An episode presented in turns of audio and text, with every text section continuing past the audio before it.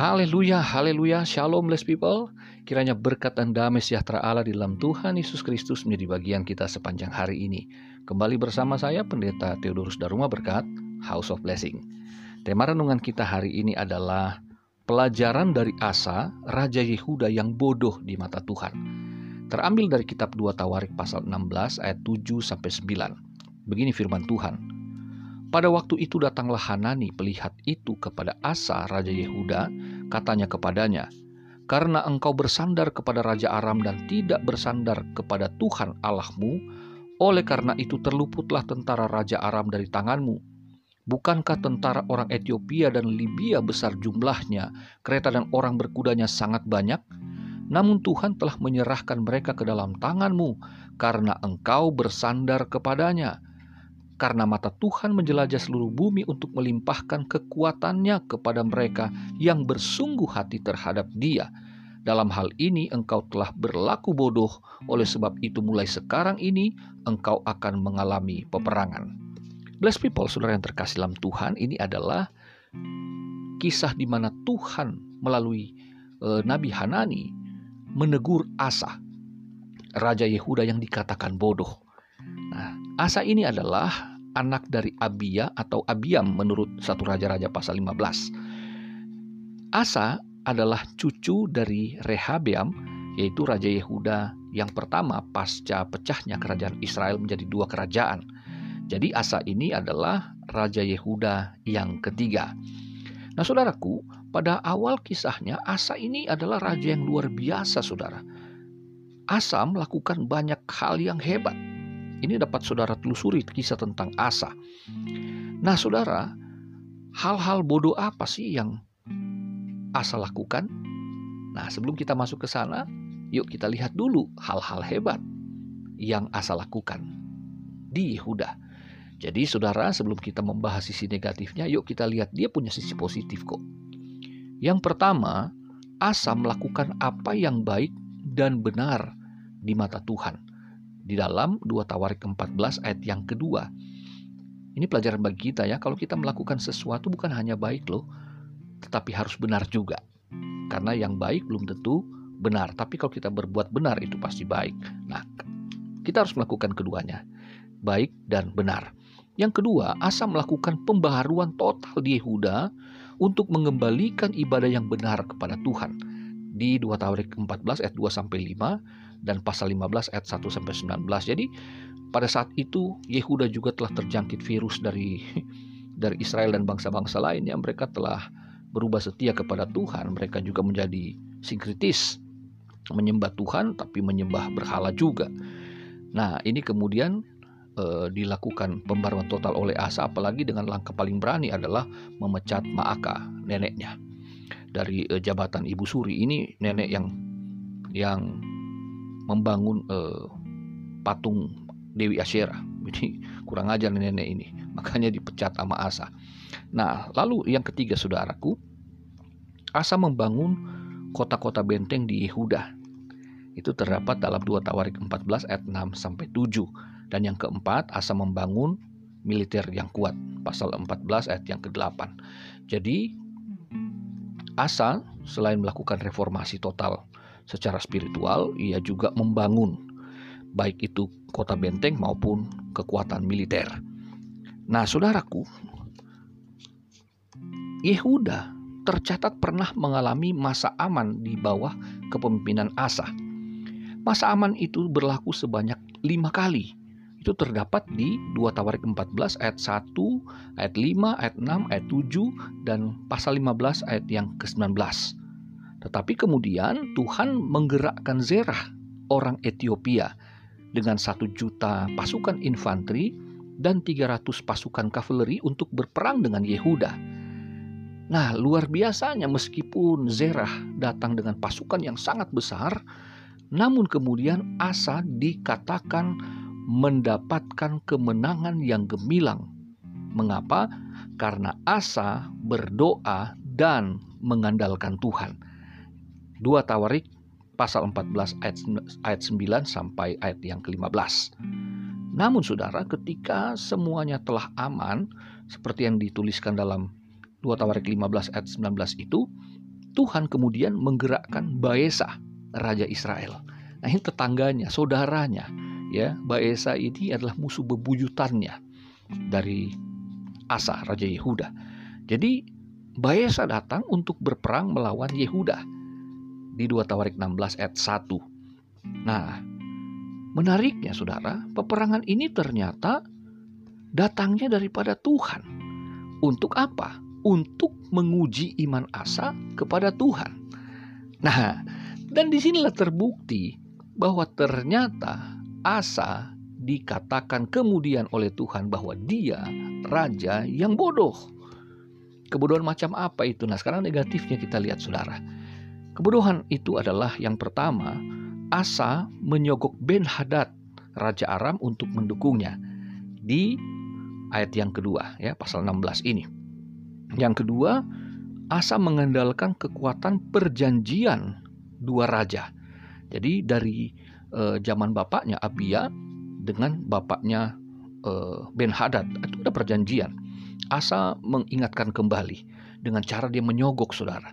Jadi duit uh, yang banyak ya, saya pakai istilah duit lah di Alkitab tuliskan tentang emas. Emas yang begitu banyak dikeluarkan dari perbendaharaan rumah Tuhan dan dari perbendaharaan istana sendiri. Jadi habis-habisan dia. Begitu banyaknya uang yang dia keluarkan untuk menyogok Ben, uh, ben Hadad, Raja Aram, dan mengingatkan kembali ada perjanjian antara orang tua kita. Dan kita juga ada perjanjian kan? Karena ternyata Ben Hadad lebih cenderung mau bela Baesa raja Israel. Dan dengan sogokan itu akhirnya memang Ben Hadad berpaling kepada Yehuda. Dia belain Yehuda. Nah saudara kebodohan ini berlanjut. Yang ketiga Asa yang seharusnya menaklukkan Aram pada akhirnya Aramlah yang menduduki yang menjadi tuan atas Yehuda. Nah, ini dikatakan di ayat 7 dan ayat 8 ya, sesuai dengan perkataan Nabi Hanani. Jadi, kemenangan atas Israel memang akhirnya menang ya, koalisi antara Asa dengan Ben Hadad ini memang menang. Tapi itu mendapatkan teguran keras dari Tuhan karena pasukan Zerah orang Ethiopia dan Libya itu koalisi Ethiopia dan Libya itu jauh lebih besar daripada kekuatan Baesa dengan Ben Hadad kalaupun mereka berkoalisi. Kenapa kamu takut? Harusnya jangankan Israel, Aram pun akan takluk di bawah kekuasaan kekuatan Yehuda. Tapi ternyata sekarang sebaliknya. Dengan men, e, mendapatkan dukungan dari Ben Hadad, Asa memang menang, Yehuda memang menang. Tapi mereka menjadi utang budi, mereka hanya jadi hambanya Ben Hadad dan Raja Aram. Ini eh, berlaku di kemudian hari juga. Seharusnya Ben Hadad dan Aram itu menjadi hambanya Asa dan Yehuda, bukan sebaliknya. Nah kebodohan itu kemudian akhirnya berlanjut lagi. Asa bukan hanya tunduk kepada Aram, tapi peperangan tidak akan pernah berakhir antara Asa dengan Baesa, Asa dengan Aram, dan seterusnya. Pokoknya seumur hidup tadinya, kalau kita membaca eh, lima kali Yehuda mengalami keamanan, itu menunjukkan ada perang, tapi ada fase aman, masa damai. Tuhan memberikan kemenangan, Asa dapat menikmati keamanan. Nah, makanya dia bisa membangun kota benteng dan kekuatan militer yang kuat. Tapi sekarang tidak demikian. Belum sempat tarik napas, udah ada perang lagi istilahnya gitu. Baru bernapas lega, eh udah datang lagi musuh berikutnya. Begitu terus. Nah, itulah yang disebut kebodohan. Tapi kemudian ketika Hanani menegur, menyampaikan firman Allah yang keras menegur Asa, reaksi Asa adalah yang pertama, dia sakit hati. Lalu memenjarakan Hanani nabi Tuhan itu.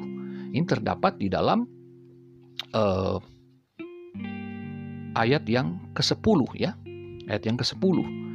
Nah, kemudian pada saat Asa mengalami sakit fisik, ia tidak mencari Tuhan.